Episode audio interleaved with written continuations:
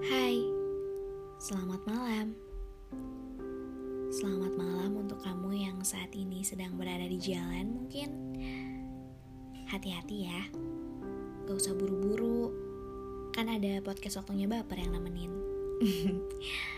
Selamat malam juga untuk kamu yang saat ini sedang berada di kamar, siap-siap untuk tidur.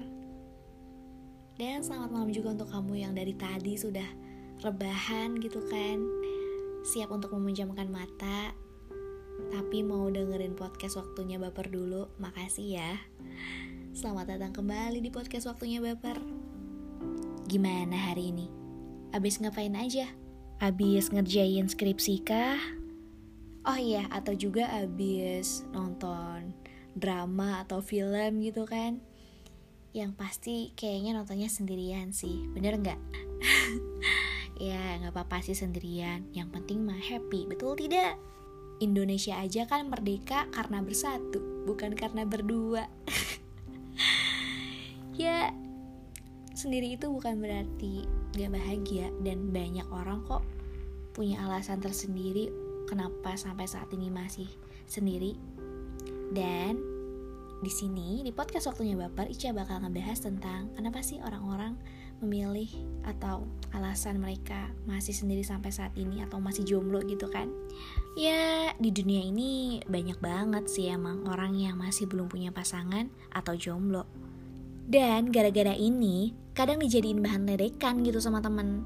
Dikatain Jonas lah atau dikatain sama temen matakan gera boga kabogo.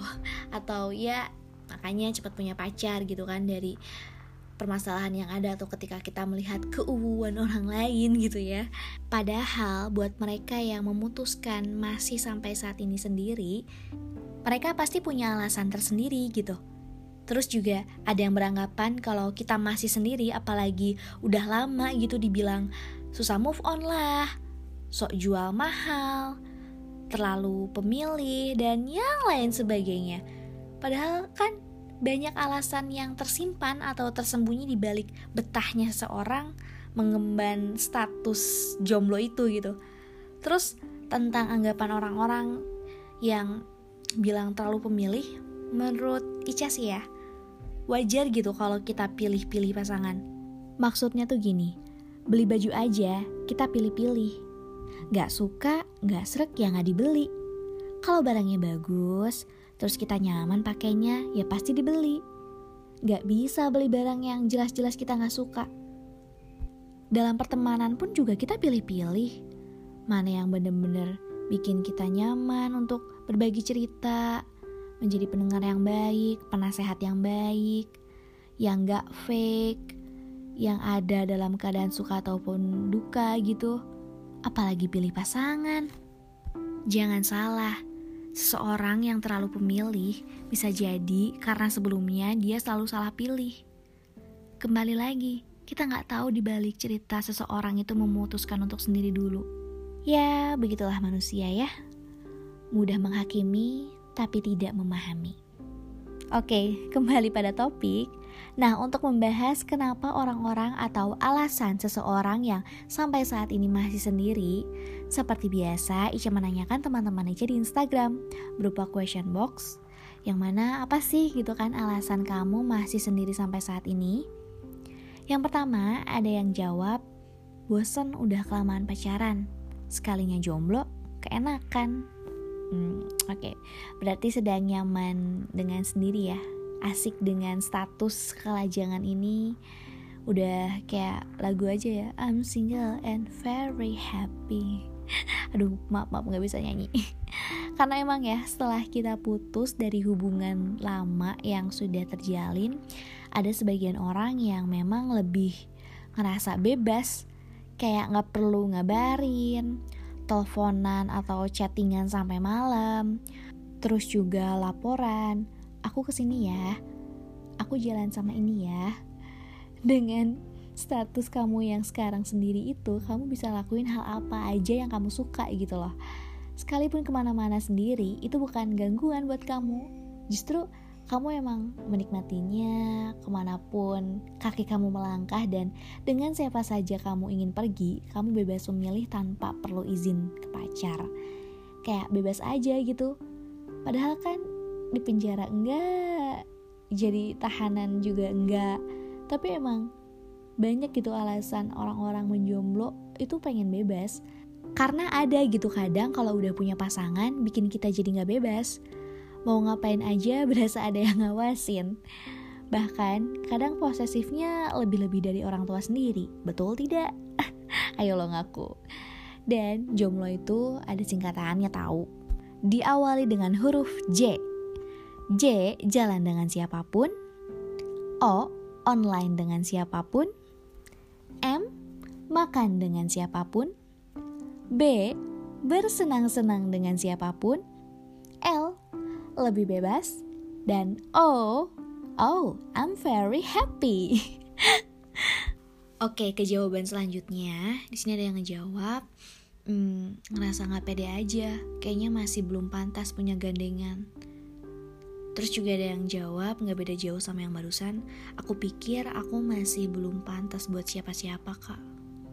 Dan juga ini ada yang jawab, gak ada yang mau kayaknya sama aku ini lebih ke insecurity dalam percintaan mungkin ya.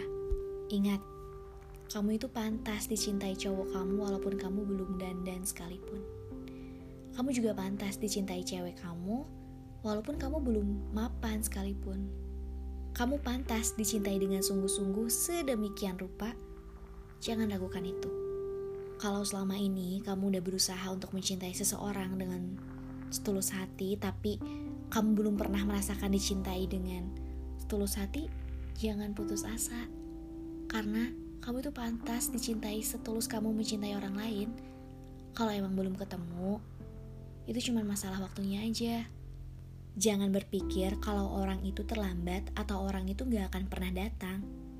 Pasti ada alasan kenapa kamu masih belum bertemu dengannya sekarang.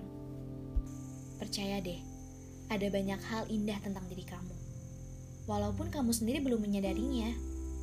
Tapi suatu saat nanti, kalau kamu udah ketemu sama cinta yang tulus itu, kamu bakal paham betapa kamu tuh sungguh pantas untuk dicintai dengan sebesar-besarnya. Dan sembari menunggu, kamu bisa memulai mempraktikkan cinta ini mulai dari diri kamu sendiri. Cintailah dirimu apa adanya, sebagaimana adanya. Kamu memang masih sendiri, tapi jangan lupa bahwa kamu masih memiliki keluarga, teman, sahabat, atau sesederhana orang-orang yang kamu sayang dan menyayangi kamu. Jangan lupa bahwa mereka tuh lebih dari layak untuk disyukuri dan lebih dari patut untuk dibahagiakan. Daripada galau, lebih baik memanfaatkan waktu kamu untuk membahagiakan mereka. Ya, kamu bisa hmm, nonton bareng dengan mereka ke bioskop, toko buku, ngopi, masak bareng, ke tempat wisata, untuk punya quality time baik dengan keluarga ataupun dengan teman-teman juga sahabat kamu. Ya, bisa juga sesekali kamu berikan juga kado untuk mereka. Sebagai ucapan terima kasih kepada mereka karena sudah membersamai kamu selama ini. Lihat cara keluarga, teman-teman, dan sahabat mencintai kamu. Mereka menyayangi kamu tanpa syarat. Kalau sekarang kamu sedang merasa putus asa, coba tengok betapa berharganya diri kamu di mata mereka. Itu berarti kamu memang berharga dan pantas untuk disayangi. Fokus pada hal-hal yang membuatmu merasa dicintai akan mengembalikan rasa percaya diri kamu loh. Hidup dan kisah cinta memang gak akan semulus drama Korea. Setiap kali kamu merasa putus asa, lihat berapa banyak orang yang bahagia berada di samping kamu. Dengan begitu, kamu akan sadar bahwa banyak orang yang menyayangi kamu dan kamu tuh pantas untuk dicintai. Ya. Oke, lanjut ke jawaban selanjutnya. Ada yang jawab, trauma ditinggal pas lagi sayang-sayangnya. Aduh ya. Terus juga ada yang jawab, trauma dengan toxic relationship bertahun-tahun. Dasar cicintaan teh ya Membingungkan Di awal jatuh cinta Semua pasangan begitu bahagia tapi kadang emang kebahagiaan itu gak abadi. Ada aja kendala dan kerikil sampai batu besar yang membuat hubungan penuh dengan pertengkaran. Dan akhirnya, apalagi kalau emang benar-benar disakitin. Banyak orang yang akhirnya jadi takut untuk memulai dengan hubungan yang baru. Untuk ngatasin itu emang kita perlu untuk menyembuhkan hati kita dulu. Menurut sih gitu. Karena ketika kamu menjalin hubungan dengan orang baru, itu nggak akan tenang. Ada banyak ketakutan-ketakutan yang takutnya rasa sakit itu terulang lagi gitu. Bayang-bayang rasa sakit masa lalu. Dan untuk melakukan penyembuhan itu, mungkin kamu bisa meluangkan waktu kamu untuk me time. Jadi, kamu akan lebih memprioritaskan diri kamu dibandingkan memikirkan masa lalu. Lakukan hal positif tanpa ada bayang-bayang mantan yang emang nyakitin di dalam kehidupan kamu. Karena hidup itu masih panjang. Jangan hanya karena satu hal diri kamu jadi terpuruk. Ingat, masa depan yang lebih baik sudah menanti kamu. Tinggal kamunya yang berani untuk gerak. Atau juga kamu bisa mencoba rutinitas baru. Mencoba hal baru di dalam hidup akan membuat rasa trauma yang kamu alami itu akan hilang dengan sendirinya. Cobalah untuk pergi bersama teman-teman meski hanya sekedar nongkrong di kafe karena dengan adanya bantuan dari lingkungan, kamu akan merasa lebih baik dan sedikit demi sedikit rasa trauma itu akan hilang. Ada juga yang beranggapan untuk menyembuhkan dari rasa luka lama, kamu perlu dengan orang baru. Ya, dengan membuka hati. Kamu harus membuka hati untuk orang lain dengan catatan tidak karena terpaksa, untuk menutup masa lalu, ada baiknya kamu memulai dengan sesuatu yang baru di dalam hidup. Coba untuk menjalin hubungan dengan orang yang benar-benar bisa dipercaya dan lebih mengerti bagaimana diri kamu sepenuhnya. Sehingga orang itu bisa membuat kamu lupa akan kenangan buruk di masa lalu. Dan juga masa lalu itu emang kita jadikan pelajaran. Masa lalu bukan hal yang harus ditakuti, itu adalah bagian dari proses pendewasaan, bukan untuk dimanjakan. Dalam hal ini, kamu harus berani melangkah maju. Jangan terus terpuruk dalam keadaan yang sebenarnya sudah tidak terlalu penting di dalam hidup kamu. Tidak bisa menyentuh rasa gatal di bagian tubuh yang terluka, sama seperti kita seharusnya memperlakukan apa yang benar-benar tidak bisa kita ubah. Salah satunya adalah pengalaman atau kejadian yang udah terjadi ya kadang kita sering membawa beban berupa rasa kecewa, marah, takut, sedih, dan lain sebagainya dari pengalaman masa lalu ketika kita melangkah ke masa depan. Ya pastinya hal ini membuat langkah kaki kita berat untuk menyongsongkan suatu hal baru di hari kemudian. Untuk itu, demi diri kamu sendiri, mulailah melepaskan beban itu satu persatu secara perlahan. Ya, caranya dengan memaafkan masa lalu atas pengalaman-pengalaman yang tidak menyenangkan, apalagi yang menyakitkan yang selama ini kamu rasain. Coba juga untuk mengikhlaskan. Belajar ikhlas yuk. Harus yakin. Percaya deh. Setiap perbuatan pasti ada balasannya, bukan? Oke, lanjut ke jawaban selanjutnya. Ada yang jawab, jujur, males PDKT. Keseringan pas masa-masa PDKT gagal, jadi nggak sampai pacaran. PDKT, apa sih PDKT? Pernah dekat lalu ditinggal? Lu yang kayak gini tuh bikin kita netting gak sih? Ketika mau memulai untuk PDKT lagi, kayak ah paling sama aja kayak kemarin lagi, ujung-ujungnya gak jadi Jadinya kita males karena siklusnya tuh kayak gitu terus. Hmm, PDKT. PDKT itu emang proses sosial gak sih? Asik cina proses sosial Yang mana hanya sekedar menguji kecocokan semata Artinya emang wajar ketika PDKT dan ngerasa gak cocok Akhirnya gak lanjut Karena kadang nih ya Kita ketemu dengan seseorang yang menurut kita cocok Tapi kan belum tentu juga menurut dia cocok Akhirnya, tiba-tiba dia berubah. kok beda ya, nggak kayak biasa. Kok dia ngejauh sih? Kok jadi selalu respon gini? Ya, begitulah PDKT. Hanya sekedar kecocokan semata. Kalau kamu ngerasa capek atau sakit hati karena selalu dihadapkan dengan kegagalan dalam PDKT, bisa jadi mungkin awal tujuan kamu PDKT bukan untuk menguji kecocokan, tapi untuk memaksakan, memperjuangkan, menunggu, atau menyiasati kecocokan kamu dengan si dia. Ya, namanya juga proses pencarian. Untuk ketemu sama namanya sukses, pasti gagal dulu kan?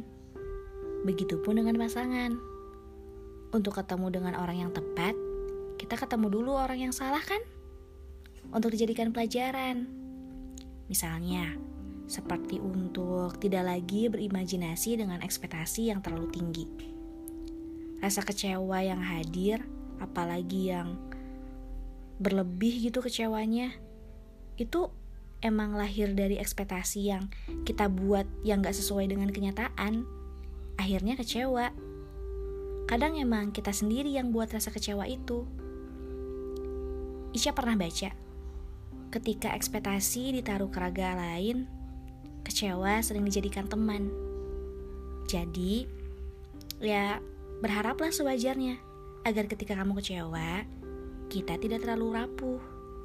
Jadi, sewajarnya. Oke? Lanjut, untuk alasan kenapa masih saat ini sendiri, ada yang jawab, pengen fokus kerja aja sih kak kalau pacaran itu pasti menurutku sih nggak nyaman aja diatur ini itu. Oke, berarti lebih ingin fokus ke karir ya. Emang banyak orang yang lebih memilih menjomblo karena ingin fokus pada karirnya lebih dulu gitu. Orang-orang yang kayak gini tuh biasanya takut nanti kalau mempunyai pasangan, pasangannya tuh akan mengganggu fokus karir mereka. Toh kalau nanti karirnya udah bagus, ya kan bisa buat bekal bersama pasangan juga. Kembali lagi, setiap orang tuh punya alasan sendiri. Lanjut, ini adalah jawaban yang di mana rata-rata hampir mirip. Dan Ica bacain beberapa aja, karena emang intinya gak beda jauh.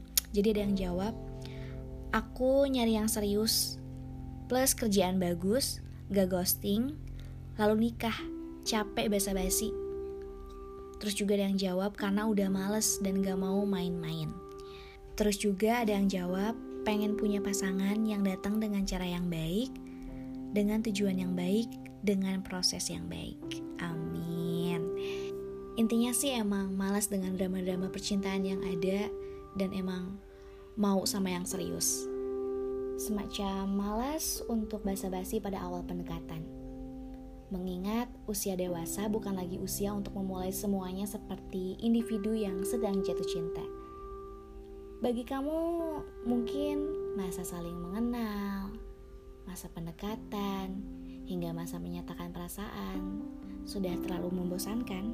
Ya, memulai hubungan baru dengan seseorang artinya kamu harus melewati tahap-tahap perkenalan, pendekatan gitu kan, menyatakan cinta dan fase itulah yang kadang mungkin bikin kamu males gitu. Males buat memulai mengenal orang baru lagi. Jadi tar aja deh gitu kan. Terus juga bisa jadi takut gagal lagi. Kayak malas kalau endingnya putus lagi gagal lagi putus lagi gagal lagi gitu aja terus. Nah takut akan patah hati kegagalan dalam hubungan juga bisa membuat seseorang malas untuk kembali lagi pacaran tahu? Kamu mungkin salah satunya Makanya banyak yang memilih untuk sendiri dulu. Bisa jadi juga lelah dengan drama percintaan. Dalam sebuah hubungan, drama hampir pasti selalu ada.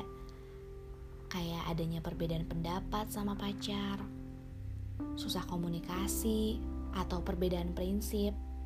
Belum lagi saat kamu ternyata mendapat pasangan yang ribet, susah dimengerti ujung-ujungnya harus ada momen di mana salah satu ngambek dan yang satu harus minta maaf. Karena usia dewasa bukan lagi membahas dan meladeni setiap pertengkaran yang diakibatkan hal kecil gak sih? Seperti gak membalas pesan atau gak menanyakan kabar. Bukan lagi pertengkaran yang berlangsung lama dan menimbulkan drama yang kekanak-kanakan. Hal ini pun akhirnya pasti bikin kamu males dan menghindari itu dan juga kamu mungkin sudah berpikir bahwa cinta bukanlah persoalan utama dalam hidup karena emang persoalan cinta tidak melulu jadi prioritas utama. Tentunya hal yang paling kamu prioritaskan adalah impian yang harus dikejar dan dicapai dengan segala usaha yang dilakukan. Banyak faktor-faktor lain yang harus dipikirin, kayak misalkan pekerjaan, masa depan, keluarga. Ada faktor lain yang emang harus dipikirin gitu loh. Di masa-masa ini, kamu justru bisa fokus untuk meningkatkan kualitas diri. Misalnya dengan perbanyak membaca buku untuk menambah wawasan. Bagi kamu si pengejar karir buat dirimu bangga dan kejar karir kamu sampai puncak tertinggi gitu. Yang suka bisnis bisa mulai dengan bisnis online-nya. Karena nih ya, dari kegagalan atau kesakit hatian kita dari masa lalu, kita bisa jadi kita sekarang ini merupakan proses pendewasaan kita juga harus berterima kasih kepada masa lalu. Darinya kita belajar. Karena setiap apa pun yang terjadi pada kita, itu pasti ada hikmahnya. Tuhan itu sudah membuat skenario yang baik untuk umatnya. Kamu juga bisa mengisi hari kamu dengan berbagi.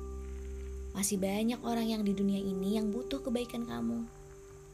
Kalau kamu gak tahu dari mana harus memulai, hmm, mungkin kamu bisa mulai dengan pergi ke panti asuhan atau panti jompo. Nikmati waktu kamu bersama anak-anak atau para orang tua. Percaya deh, gak ada yang bisa menandingi rasa bahagia yang kamu dapat dari berbagi. Intinya, kamu bebas melakukan apa aja. Alih-alih mengharap kebahagiaan dari orang lain, cobalah untuk mulai menjadi sumber kebahagiaan bagi sesama. Rasanya tuh nikmat banget. Ada rasa bangga dan senang aja gitu. Coba deh. Hmm, dari semua ini nih ya intinya gak apa-apa kalau kamu belum menemukan seseorang yang bisa membuat kamu nyaman untuk menjadi pendamping hidup. Karena toh kamu bisa sibuk dengan memantaskan diri kamu akan lebih bahagia bila menemukan orang yang membuat kamu nyaman daripada harus terburu-buru dalam memilih pasangan. Kita harus percaya, cinta tidak sedangkal itu untuk dijadikan ajang pamer kepada semua orang. Kita juga harus percaya, cinta sejati akan datang tepat pada waktunya. Tepat saat hati telah siap, dan tepat saat Tuhan telah berkehendak. Kita terlalu sibuk hidup dalam standar yang dibuat oleh orang lain, sehingga lupa bagaimana memaknai arti bahagia. Sama halnya dengan cinta memilih sendiri dulu bukan berarti kita nggak bahagia kan? Ya hanya aja hati ini masih ingin berkutat dengan tututan hidup yang lainnya. Sampai sini dulu ya podcast waktunya baper. Sampai bertemu lagi di episode selanjutnya. Selamat malam. Semoga mimpi indah ya.